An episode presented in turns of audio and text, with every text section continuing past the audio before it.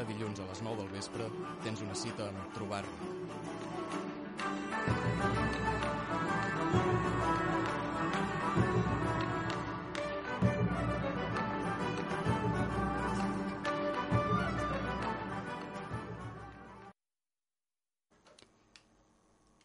Els mitjans de comunicació s'han fet servir sovint per difondre la llengua i la cultura. Tant és així que eh, s'hi han dedicat eh, programes específics per, per difondre'ls. Avui parlarem dels mitjans de comunicació eh, com a difusors de coneixements lingüístics.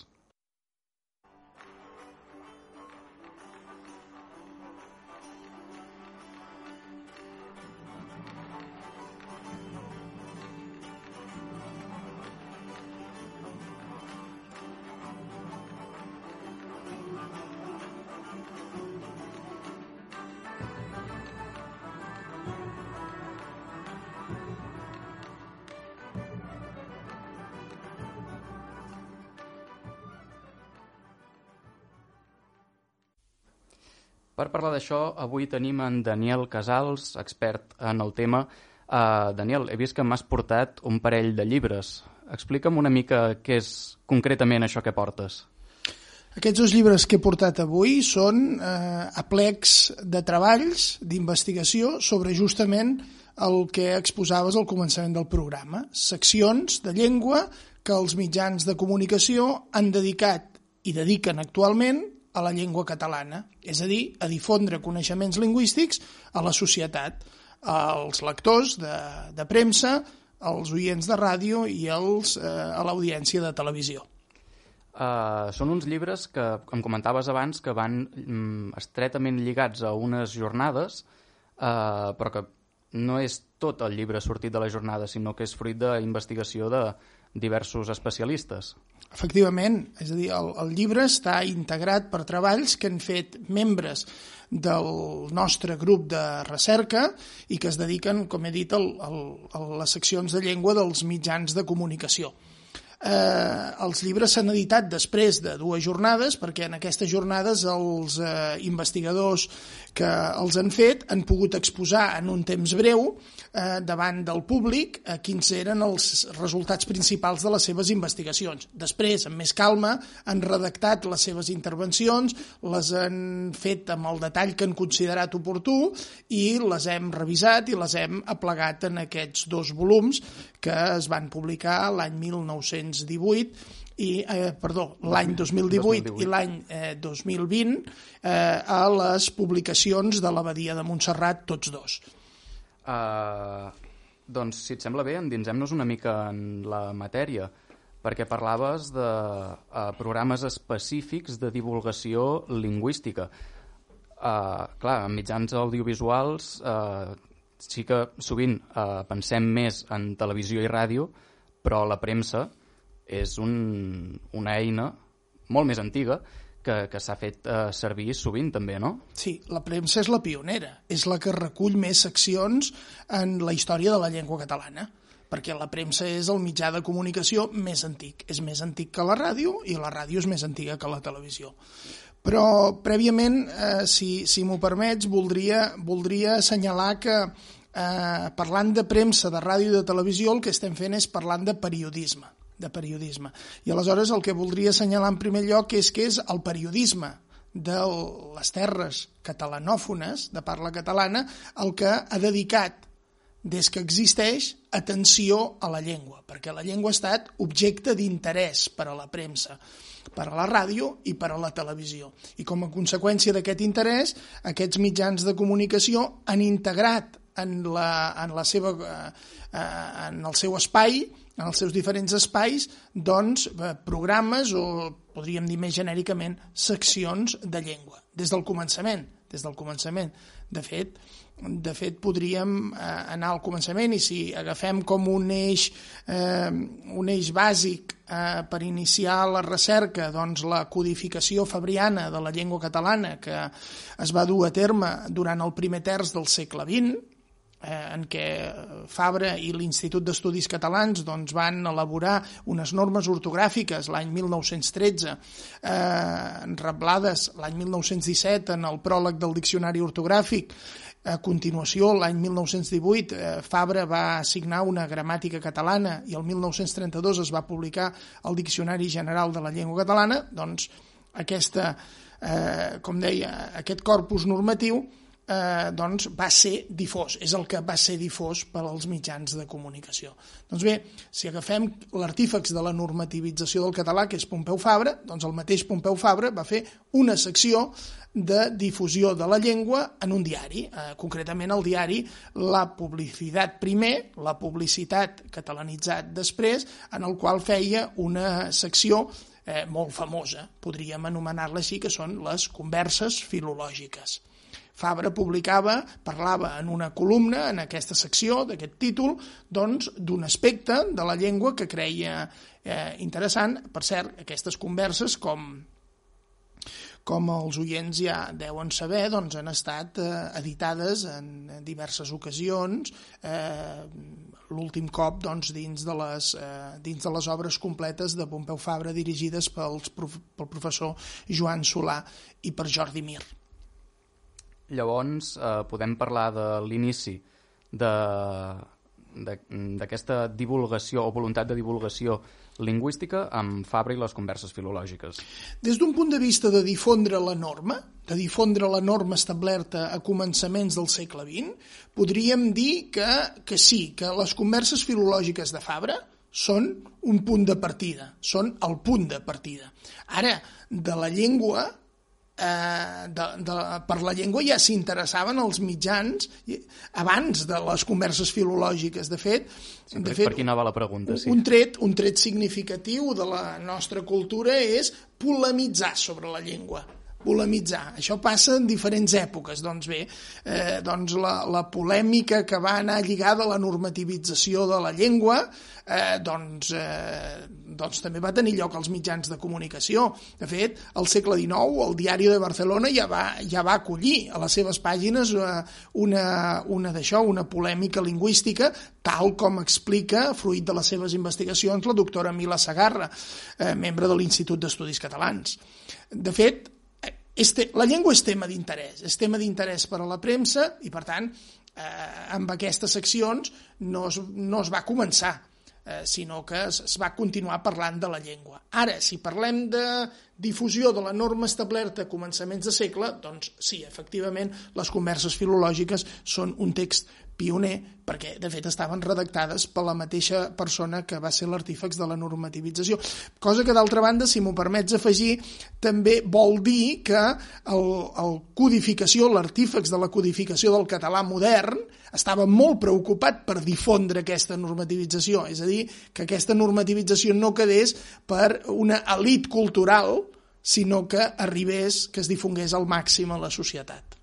De fet, aquesta és una mica la, la voluntat de, d'aquest tipus de, de programes o de seccions en els mitjans, fer-ho extensiu eh, a un gruix de la població que d'altra manera potser no seria tan...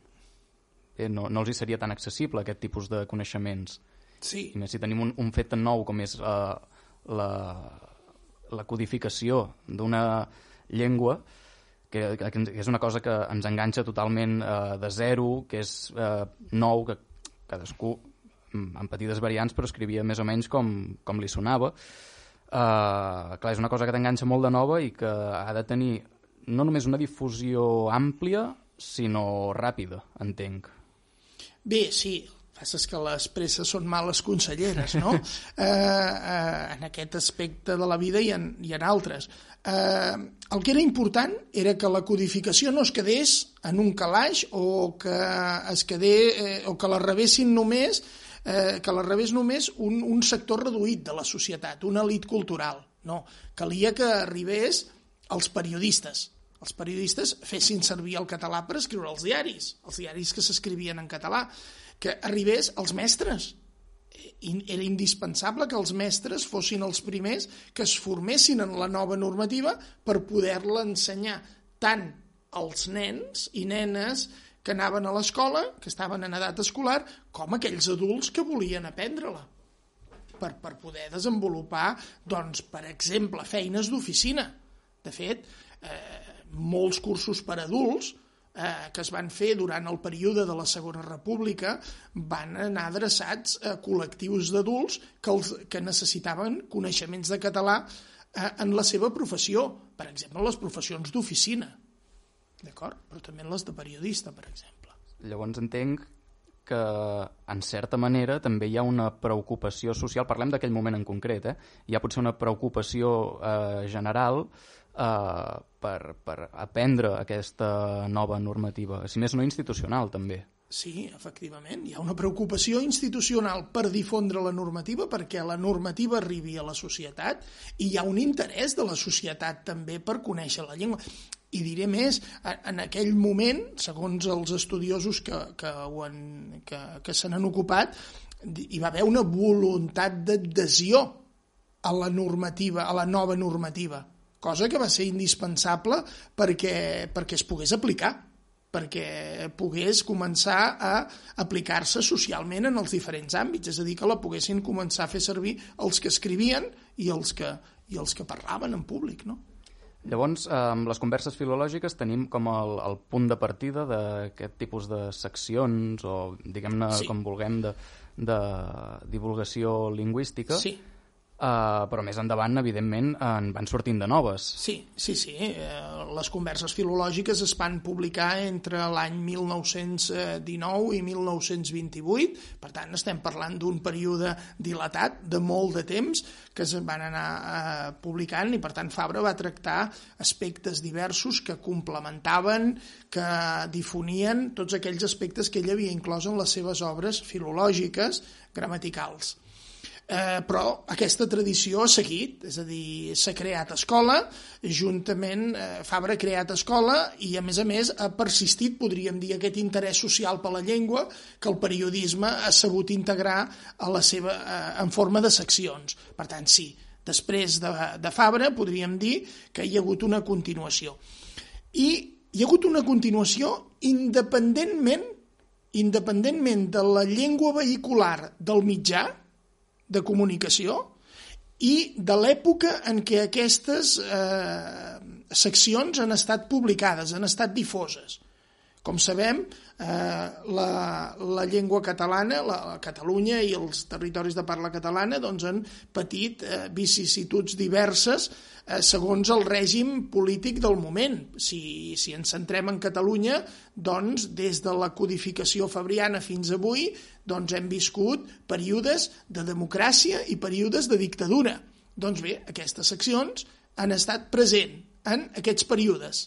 Per tant, s'han sabut adaptar els seus autors o els seus promotors a les circumstàncies sociopolítiques i han aconseguit que hi haguessin, amb més o menys penúries, eh, que, que existissin aquestes seccions. I, per exemple, n'hi va haver durant, la, eh, durant el període, diguéssim, de Fabra, agafa la Mancomunitat de Catalunya eh, i també el, la dictadura de Primo de Rivera, però n'hi va haver també durant la Segona República, n'hi va haver durant la dictadura de Franco, n'hi va haver eh, durant la transició i n'hi ha durant el període democràtic. Llavors, eh, podem trobar amb, amb força freqüència eh, un mitjà eh, que s'expressa normalment en castellà, amb una secció dedicada a la divulgació de coneixements del català. Sí, efectivament. És a dir, si em permets posar-te'n un exemple, doncs entre l'any 1969 i 1975 el diari barceloní El Correo Catalán va publicar una secció que es deia Lecciones de catalán para todos. Era una tira diària dibuixada que eh, explicava regles normatives bàsiques del català en els seus diàlegs. Eh, era diària, era diària, representava un esforç per als seus autors eh, era una tira diària que es publicava de, de dimarts a diumenge, els dilluns els diaris no sortien, era el, eh, perquè doncs, corresponia a la festa setmanal, es publicava un únic diari que era la hoja del lunes, i els altres dies sí, sortia el diari, sortia aquesta secció cada dia, eh, exposant cada dia una norma, i hi havia un dia que es dedicava a plantejament d'exercicis i el dia següent el diari publicava les solucions en aquesta mateixa secció. Per tant, tenim un diari en català, ai, en castellà, durant el tardofranquisme, que fa una secció de difusió de la normativa fabriana. Perquè això en uh, les èpoques primerenques del franquisme es podia trobar també? Era més difícil, era més, complicat, era més difícil naturalment la repressió exercida pel franquisme doncs és eh, gradual, és més intensa, com han dit els estudiosos, els historiadors i els historiadors de la llengua, és més intensa al començament, les primeres dues dècades, que al final. Eh, en relació amb aquesta, eh, amb aquesta secció que acabo d'esmentar, Lecciones de Catalán para Todos, del diari El Correo Catalán, eh, va començar l'any 1969. Bé, doncs aquí hi ha una, un any que no se'ns pot escapar, que és l'any 1968. L'any 1968 es, és, es commemora el centenari del naixement de Pompeu Fabra i la resistència cultural i lingüística del país l'aprofita per reactivar-se culturalment, reactivar culturalment el, el país. I al voltant de les celebracions de l'any Fabra, que és com es va anomenar, doncs hi va haver moltes iniciatives, entre elles aquesta secció, que va ser promoguda per la pedagoga Carme Serrallonga de l'Escola Isabel de Villena i que van dur a terme doncs, dos dels seus estudiants, Lluís Artigues de Quadres i Enric Cormanzana. No, a veure, com, com, a, com a idea, en un context de repressió com era el franquisme, o encara que fos el franquisme més tardà, no? Uh, personalment trobo que és una, una idea prou interessant perquè uh, ja compleix aquest, uh, aquesta intenció, aquesta finalitat que, que, que mm, tenien des d'un principi aquest tipus de, de seccions, que era fer-ho extensiu a una gran part de la societat. És cert que un, en, durant el franquisme una gran part de la societat es va castellanitzar, o que si més no, la castellanització bé, va, va pujar mm, sense cap mena de d'impediment, no? Uh, I seccions així de, tan senzilles com aquesta segurament ajudaven a que fins i tot eh, persones que no havien sentit gaire català o que pràcticament ni l'havien sentit eh, s'hi poguessin enganxar i, clar, parlem que és, un, és una, una tira dibuixada. Sí. Um, et pot posar un context, eh, et pot ajudar, bé, com quan estudies una llengua nova i fas els exercicis de... Va, la, la sala d'estar, posa el nom de la taula, de les cadires, mm. la, el, tot el que tens per allà, doncs, no sé, trobo que és un, una idea força, força interessant i, i, i bona, si més no en l'època que era, clar. En, en el franquisme, eh, en els períodes de prohibició, eh, de repressió, cal assenyalar que, que aquestes seccions són complementàries de l'escola. Eh? Eh, vull dir, són, perdó, eh, rectifico, eh, substitueixen l'escola, substitueixen la formació convencional. Eh, aleshores, eh, per què ho dic, això? Doncs bé, perquè permeten per, aquestes seccions permeten donar uns coneixements bàsics de la llengua que està privada, de la llengua que no es permet ensenyar a l'escola. Durant el franquisme, durant el primer franquisme, eh, bueno, durant tot el franquisme, la llengua catalana no va ser matèria d'ensenyament, ni tan sols llengua vehicular de l'ensenyament en algunes poques escoles resistents, privades, molt al final del franquisme, com també el català va ser ensenyat al final del franquisme com a matèria optativa en algunes escoles, sí, però, però el català no va ser matèria del, del currículum, del currículum oficial. Doncs bé, la gent que havia passat per l'escola i que no l'havia pogut aprendre, com a mínim tenia contacte amb aquests canals, aquestes seccions representaven una possibilitat d'aprendre'l com també la representaven els llibres que s'havien editat abans de la dictadura i que es conservaven en les cases particulars o que s'havien pogut conservar en algunes biblioteques. Aquells llibres, com ara, per exemple, els de l'editorial Barsino, permetien doncs, tenir eh, aquestes lliçons i aprendre el català d'una manera autodidacta, amb un professor particular, assistint a classes clandestines o més cap al final del franquisme en cursos organitzats. Que a més, ara que esmentes l'editorial Barsino, eh, tenien la, la Biblioteca Popular Barsino, que són eh, llibres breus, curtets, que, que no deixen de ser unes píndoles eh, lingüístiques, culturals en general, eh, de poques pàgines a un preu relativament reduït i sí, que, per sí, tant, sí. feien accessible a tot un seguit de gent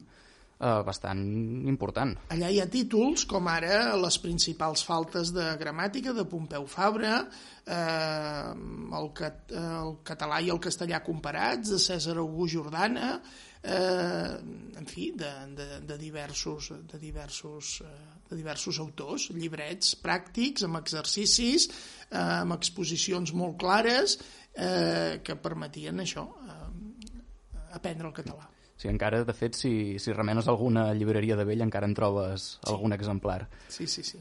Uh, avancem una miqueta més, perquè ja més encara a finals del franquisme, què tenim ben bé? Perquè suposo que uh, aquest programa no devia ser l'únic que, no, no, aquest no. programa no, perdó, aquest, no. aquesta, aquesta tira, secció, aquesta sí, secció. sí, ja ho he entès, eh, les leccions de català per a totes, no, no, eh, a propòsit doncs d'aquesta explosió que hi ha al final del franquisme, eh, de la, de, aquesta reactivació de la llengua i de la, de la cultura catalanes, doncs eh, n'hi ha més també de seccions als mitjans de comunicació. Si em permets passar a, a la ràdio, doncs hi va haver un programa específicament eh, dedicat, a, dedicat a, la, a la llengua.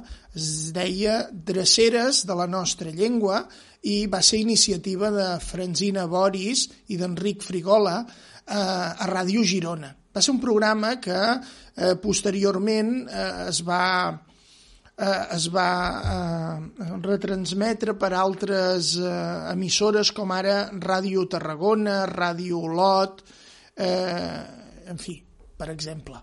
Eh, aquest programa estava dedicat a, a la llengua, eren uns quants minuts eh, eh, setmanals enregistrats prèviament, en què, en forma de diàleg, eh, Franzina Boris i Enric Frigola plantejaven problemes lingüístics, com ara la presència d'interferències lingüístiques, sobretot del castellà, com tu has dit, la llengua durant el franquisme, a causa de la situació política, eh, es va interferir del castellà. Pensem que el castellà era l'única llengua oficial, i el català havia, havia estat apartat dels àmbits públics, per tant, només aquesta sola situació ja generava una pressió important del castellà sobre el català que feia que el, castellà, el català rebés moltes interferències lingüístiques. Doncs bé, Franzina Boris i Enric Frigola, dos locutors de prestigi, eh, van eh, fer aquest programa que comptava amb l'assessorament, si, si em permets allargar-me la resposta,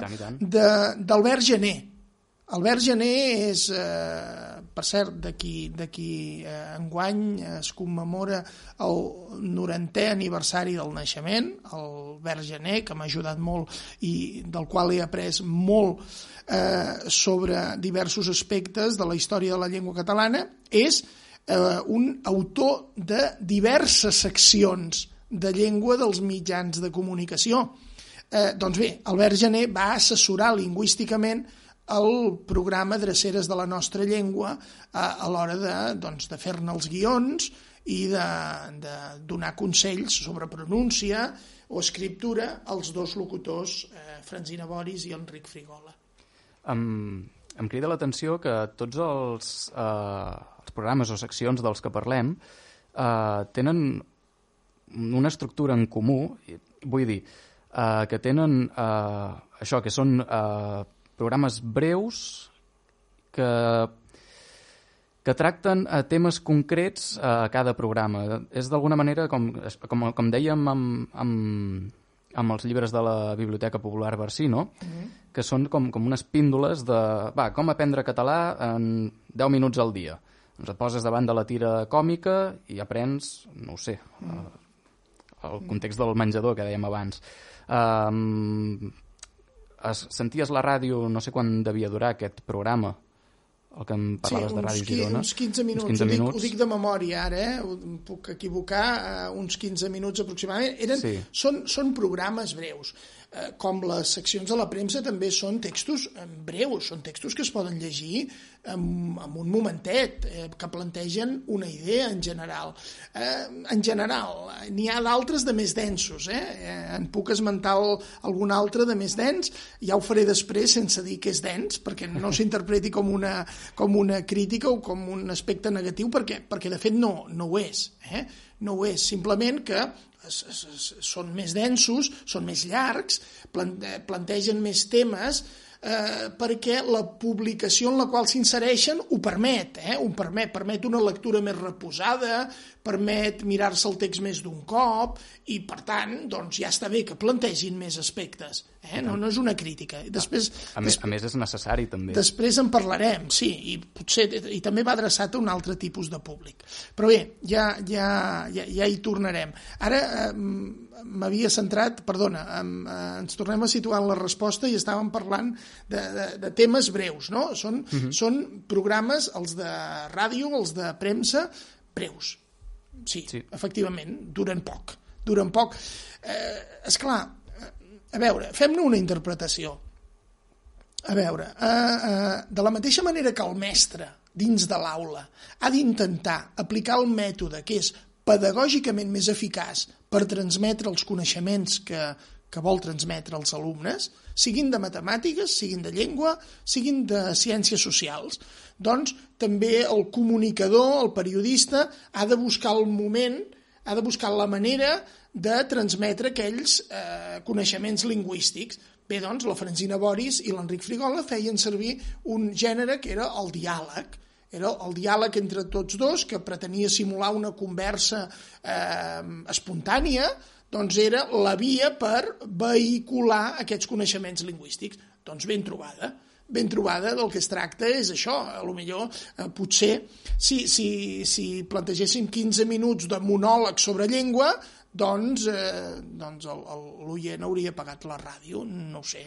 En tot cas, el programa va ser seguit i, i era àgil.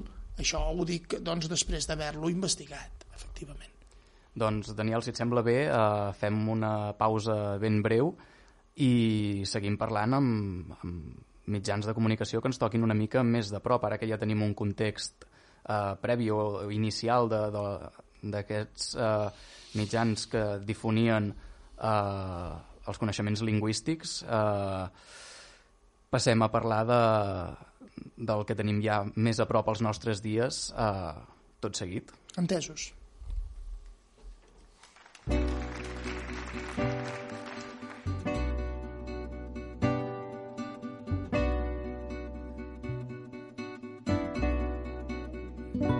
Desert d'amics, de béns i de senyor, en estrany lloc i en estranya contrada, lluny de tot bé, fart de nuig i tristor, ma voluntat e pensa caitivada me trop del tot en mal poder sos més.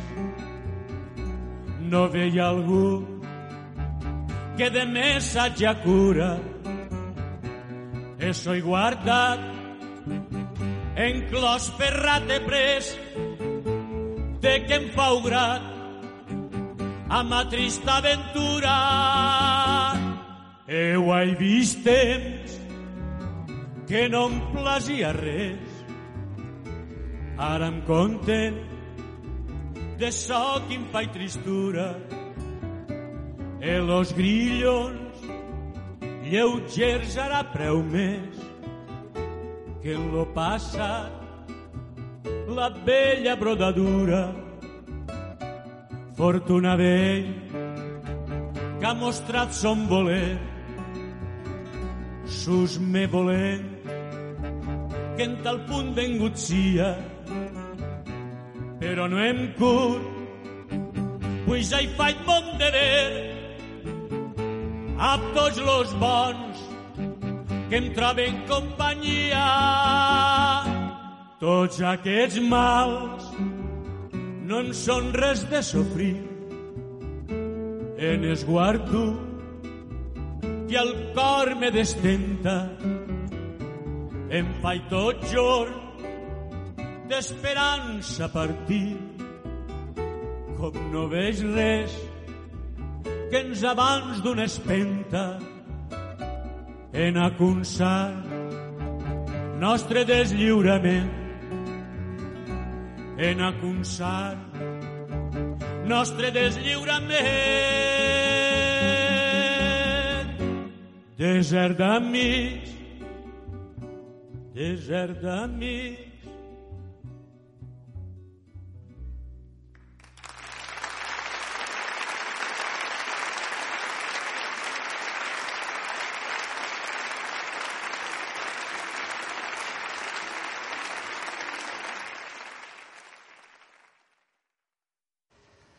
Doncs ja tornem a ser aquí. Uh, comentàvem abans que parlaríem de, uh, dels mitjans i les seccions que ens queden avui més properes i no hem enredat pas a ningú. Per tant, uh, Daniel, un cop acabat el franquisme, què, què ens ve a sobre? Bé, en el, en el, un cop acabat el franquisme i el context de la normalització de la llengua que es va començar uh, institucionalment a, a primers dels anys 90, ai, dels anys 80, eh, el que ens ve és que aquestes seccions continuen, continuen a la premsa, continuen a la ràdio i són presents a la televisió. Eh, eh, la televisió és un mitjà doncs, que, en el qual aquestes seccions no tenien, no tenien tradició perquè, evidentment, doncs, la televisió va arribar a l'estat espanyol durant el franquisme, als anys 50. Però, eh, a partir de la transició, doncs també la televisió se'ns afegeix als mitjans que, que parlen de llengua. I per tant, tenim la premsa, tenim la ràdio i la televisió. I eh, tenim un seguit d'autors que es va posar a escriure sobre qüestions gramaticals, qüestions sociolingüístiques i eh, doncs, eh, que, que van, van expressar també als mitjans diàriament les seves inquietuds sobre, sobre la llengua. Uh, bé, i de fet, uh, seguim tenint uh, mitjans de comunicació en castellà uh -huh. que tenen aquestes seccions en català. Sí, perquè... sí, sí, sí, sí. O sigui, uh, a veure, uh, la presència de les seccions en català en mitjans en castellà és una sortida durant els el període de la dictadura, doncs perquè aleshores els, de diari en català no n'hi va haver cap, el primer diari en català després de la dictadura, com tothom sap, va aparèixer el 23 d'abril de 1976 i va ser el diari Avui durant la dictadura no n'hi podia haver. Per tant, si hi havia seccions regulars eh, en què es parlava del català o intervencions eh, esporàdiques, doncs era en diaris en castellà. Publicacions en català sí que n'hi va haver. Eh? Per exemple, hi havia una publicació en català que era Teleestel, que va néixer l'any 1966 i que tenia, un, i que tenia un, una secció que es deia Aclariments lingüístics Primer, durant el primer any, aquesta secció la va fer Josep Ibáñez Ric i eh, a partir del segon any i fins, al, fins a la desaparició de la revista l'any 1970 la va fer un autor que ja hem esmentat abans, que és l'Albert Gené. Per tant, aquestes seccions del tardofranquisme, eh, aquest tipus de seccions continuen. I, per exemple, durant la transició, durant la transició eh, hi ha una secció que vull posar com a exemple, que es diu Clar Català, que va publicar La Hoja del Lunes, un, un mitjà que apareixia setmanalment i que cobria el dia de la festa setmanal del periodisme, que s'escrivia en castellà en aquell moment i que contenia aquesta, eh, aquesta secció. Aquesta secció la, eh, eh aquesta secció l'elaborava Joan Fortuny. Joan Fortuny eh, parlava de qüestions que l'inquietaven eh, sobre el català en aquell moment. Doncs podia ser sobre una conjunció, eh, en fi, sobre el dons causal, eh, no, no admès. Eh, Joan Fortuny era una persona molt preocupada pel llenguatge dels mitjans. Era el primer corrector del diari Avui, el primer cap de correcció del diari Avui. I, per tant, en, en, en exercici de les seves funcions, doncs, o paral·lelament, mentre, mentre feia de corrector al diari Avui, doncs també feia aquesta columna a la hoja del lunes. I això va passar durant la transició. La columna és dels anys 1982-1983. Es va acabar la columna quan es va acabar la hoja del lunes, a conseqüència doncs, que els diaris van començar a sortir cada dia. Uh, interpreto que un dels punts d'inflexió potser de, de, bé, no només de la presència del català als mitjans, sinó d'aquest tipus de seccions, podria ser l'aparició la, de TV3 i la Corporació Catalana de Mitjans Audiovisuals, no? En quin sentit? En quin sentit? Eh, és a dir, com a un punt d'inflexió, com a reforç? Com a reforç intens, entenc. A veure, la TV3 i Catalunya Ràdio, és a dir, els mitjans de l'antiga Corporació Catalana de Ràdio i Televisió, fundada l'any 1983, eh, estan concebuts, a més a més de com a mitjans de comunicació, com a instruments al servei de la normalització del català. Per tant, el fet que, més important, que és que aquests mitjans utilitzin el català com a llengua vehicular, és el que fa que la població receptora d'aquests mitjans tingui contacte amb la llengua formal, eh? amb la llengua oral formal. D'acord? Primer, sobretot oral. Ara ja tenim molts mitjans escrits associats a aquests mitjans públics, pàgines web, eh, que, que utilitzen la llengua escrita. Però d'entrada, el gruix dels anys i al començament, eh, aquests mitjans difonen la llengua oral formal. Eh, I per tant, aquest és el principal valor des del punt de vista de la normalització de la llengua. Ara, també ha tingut espais sobre llengua. Si, però com que TV3 i Catalunya Ràdio no són els únics mitjans que n'han tingut, mm, doncs bé, esmentaré un exemple d'aquest tipus de programes de cadascun d'aquests mitjans, si m'ho permets. I tant. Uh, TV3 doncs, uh, va tractar la llengua en un programa d'entreteniment força recent. Tothom segur que ha sentit a parlar del Gran Dictat Eh? El Gran Dictat és un programa doncs, eh, centrat en la llengua, amb un format d'entreteniment. Si ens posem en el cas de Catalunya Ràdio, doncs Catalunya Ràdio entre els anys 1990 i 1997 va fer un programa que va conduir Oriol Camps, que eh, us en puc dir el, el, el títol ara, ara mateix, que es va emetre, deia, durant set anys, del 1990 al 1997, que es deia Parlem del català.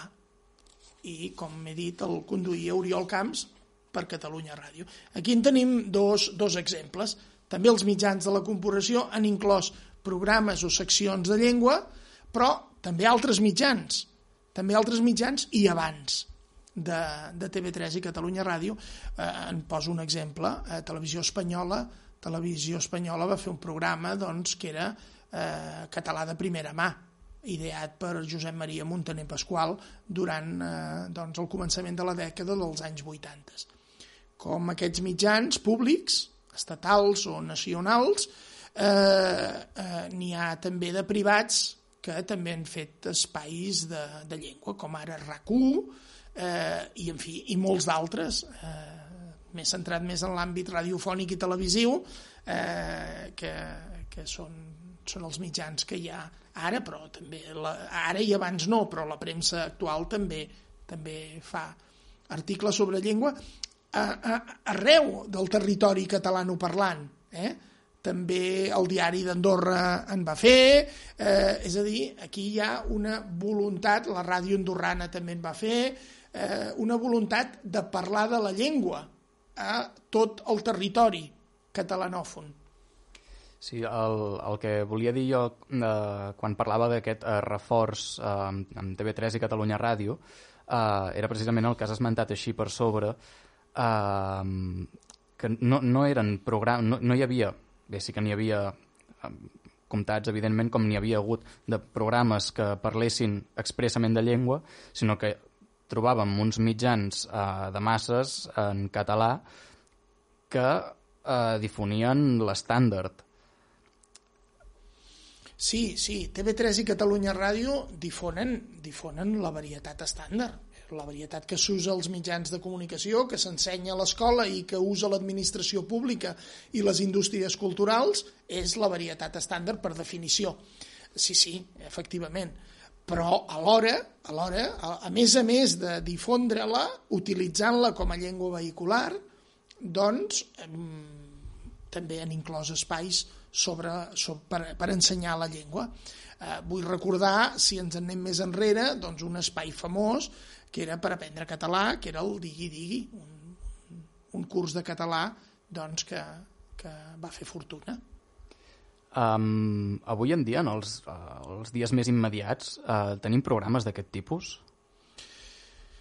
A veure, mm, tenim programes d'aquest tipus, sí, sí, eh, a veure, n'hi ha, n'hi ha, sempre n'hi ha. És un, és un tret eh, constant, transversal en el periodisme de casa nostra, es manté, sigui en l'època que sigui, i en diferents formats, L'època actual el que permet són diferents formats. Així com en les èpoques de prohibicions doncs eh, els activistes culturals aprofitaven les escletxes que el règim permetia, eh, la tolerància que hi havia, i si n'hi havia més, si n'hi havia menys, doncs en època democràtica doncs, hi ha més flexibilitat i per tant es permeten gèneres de, de, de dedicats a l'entreteniment com l'esmentat Gran Dictat o, o unes píndoles d'un minut eh, posades entre, entre d'això, no? entre, eh, entre dos programes doncs, més extensos, doncs una píndola per eh, aclarir un barbarisme, no?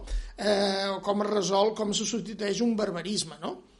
Eh, també m'agradaria esmentar un, un programa que eh, Catalunya, eh, que TV3 va emetre després del Telenotícies, també molt breu, molt àgil eh, i d'una manera, manera molt amena, eh, que, que el feia molt atractiu, que era Català a l'atac. Català a l'atac és obra d'Enric Gomà, eh, va ser un encàrrec de la secció filològica de l'Institut d'Estudis Catalans de TV3 eh, a propòsit de la commemoració del centenari de la creació de la secció filològica de l'IEC, eh, que, que va néixer l'any 2011, doncs, doncs bé, el 2011 se'n va commemorar el centenari i eh, eh, per celebrar-ho aquest va ser un dels encàrrecs.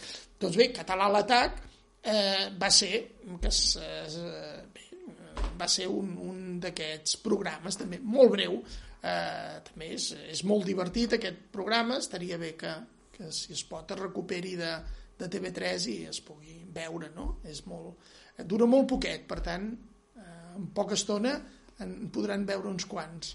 De, de fet, ara, parlant de programes més actuals, un dels que em ve al cap és un que es va emetre mm, fins fa relativament poc, em sembla va durar uns pocs mesos, em sembla, que era el Llenguado. Sí, sí, sí, era un, un, un programa que mm, no, no era conduït per persones eh, expertes en la llengua, eh, i que anaven a diversos territoris de parla catalana sí.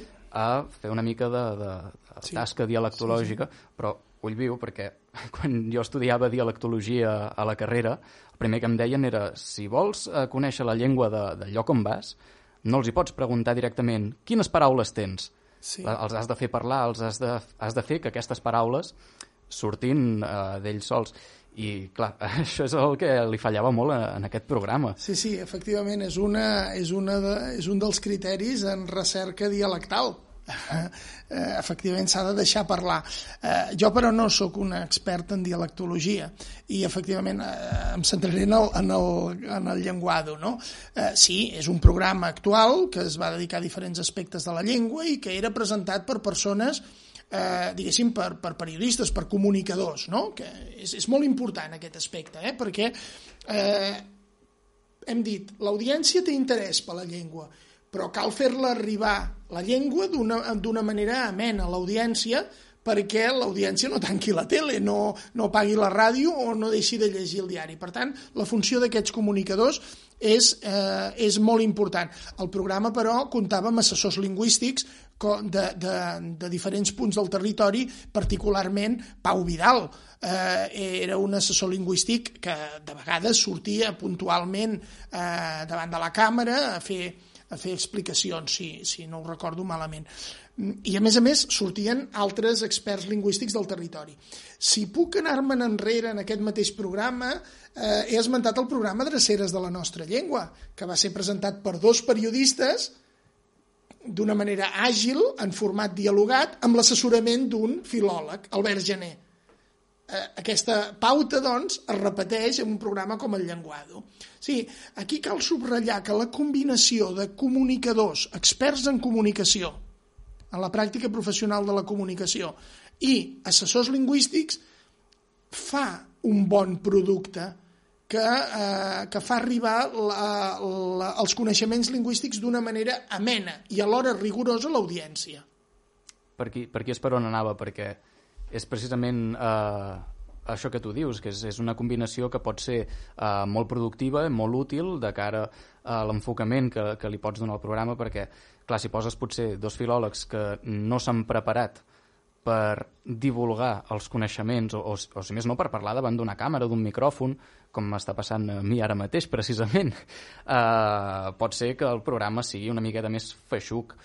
I, i la idea aquesta estava bé, el que passa que després hi trobaves aquest, eh, aquest tipus de problemes o d'incoherències a l'hora de la recerca que, que feien no sé, bellugar una mica, o fins i tot eh, a mi em donava la, tenia la sensació que a vegades eh, tractaven la llengua de fora del Principat, sobretot, com un fenomen eh, folclòric, eh, com de...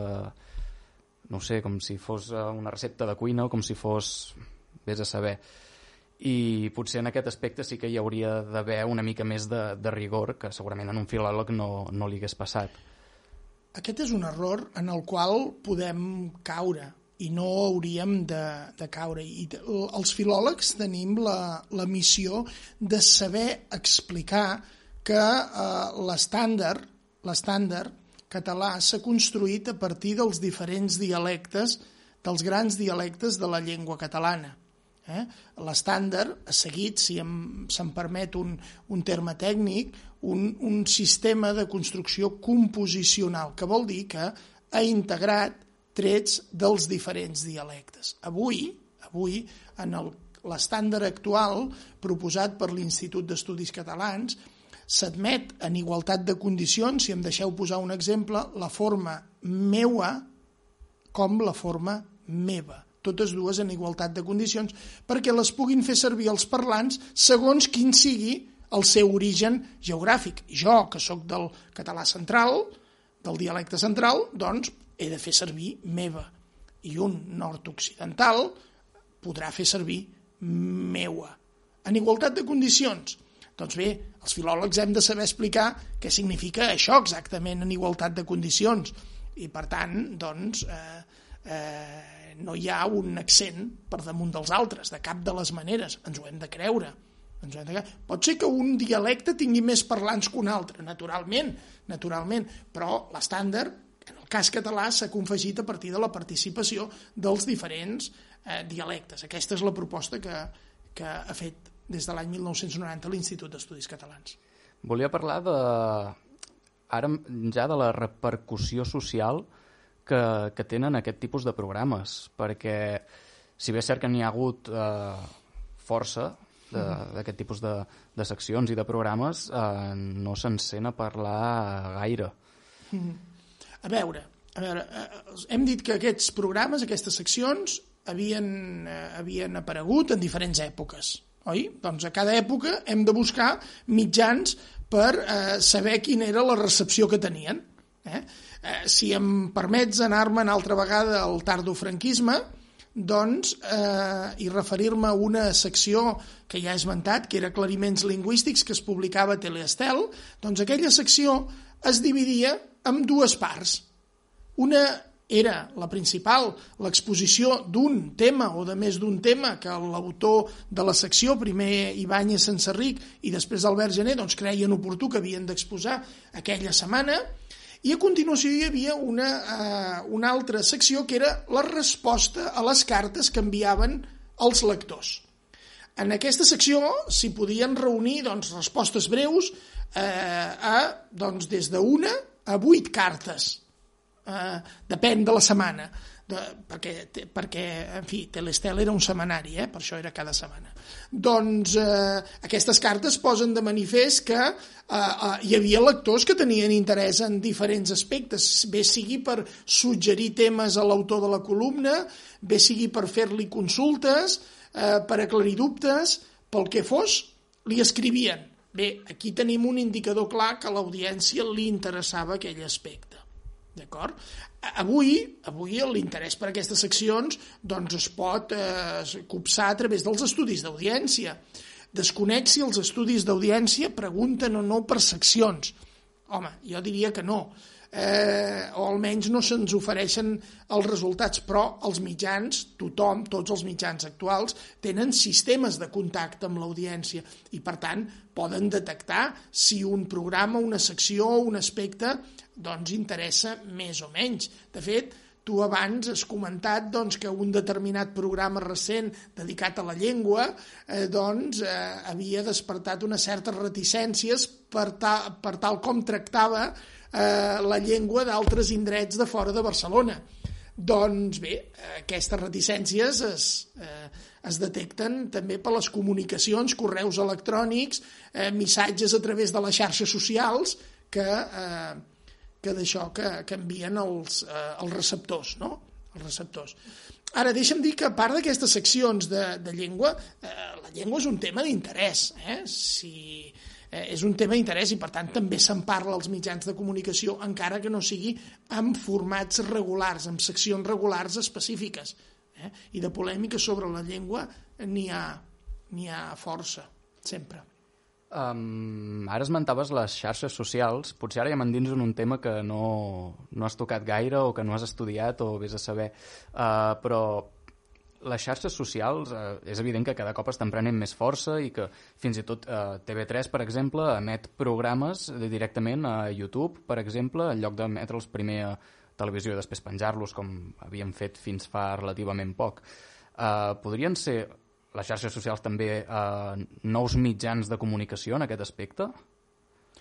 Amb, amb l'objectiu de difondre la llengua sense cap mena de dubte sense cap mena de dubte eh, eh, podrien eh, i podrien ser molt útils en aquest sentit només caldria aplicar el rigor en l'elaboració dels continguts i en la transmissió també dels continguts que s'ha aplicat en altres èpoques eh, d'acord amb els formats que hi havia en cadascuna d'aquestes èpoques. Naturalment, home, se sumen aquests, aquestes xarxes socials se sumarien als mitjans convencionals. Per tant, seríem més a difondre a difondre la, la llengua, a difondre coneixements lingüístics. Per tant, la societat tindria més canals eh, per on rebre coneixements de caràcter lingüístic. Sí, sí, tant de bo s'hi afegeixin, tant de bo augmentin, que serem més. Sí, potser caldria fins i tot una voluntat institucional en aquest aspecte, perquè bé, en aquest programa ja ho hem tractat eh, altres vegades, que eh, a les xarxes socials, sobretot els anomenats influencers o youtubers o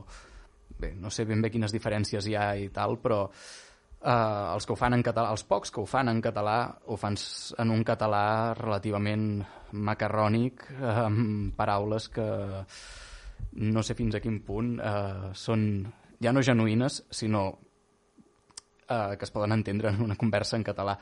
No, aquest aspecte no m'hi no, no he centrat, no m'hi he centrat en la qualitat lingüística de les emissions o dels continguts amb què s'expressen els continguts de les xarxes socials, però bé, eh, eh, això no, diguéssim no tindria no té a veure amb les seccions de llengua sinó amb la qualitat amb la qualitat lingüística que tenen els emissors d'aquests missatges a través de les, de les xarxes socials. I d'aquí també se'n podria fer un estudi per qui estigui interessat doncs es pot posar a estudiar la qualitat lingüística d'aquests mitjans. Però les seccions de llengua són una altra història. Doncs Daniel, moltíssimes gràcies per acompanyar-nos aquest vespre. Uh, espero que puguem retrobar-nos aviat en aquest programa, si, si et sembla bé, evidentment. I a la resta d'oients ens veiem el proper dilluns en 15. Moltes gràcies i fins aviat.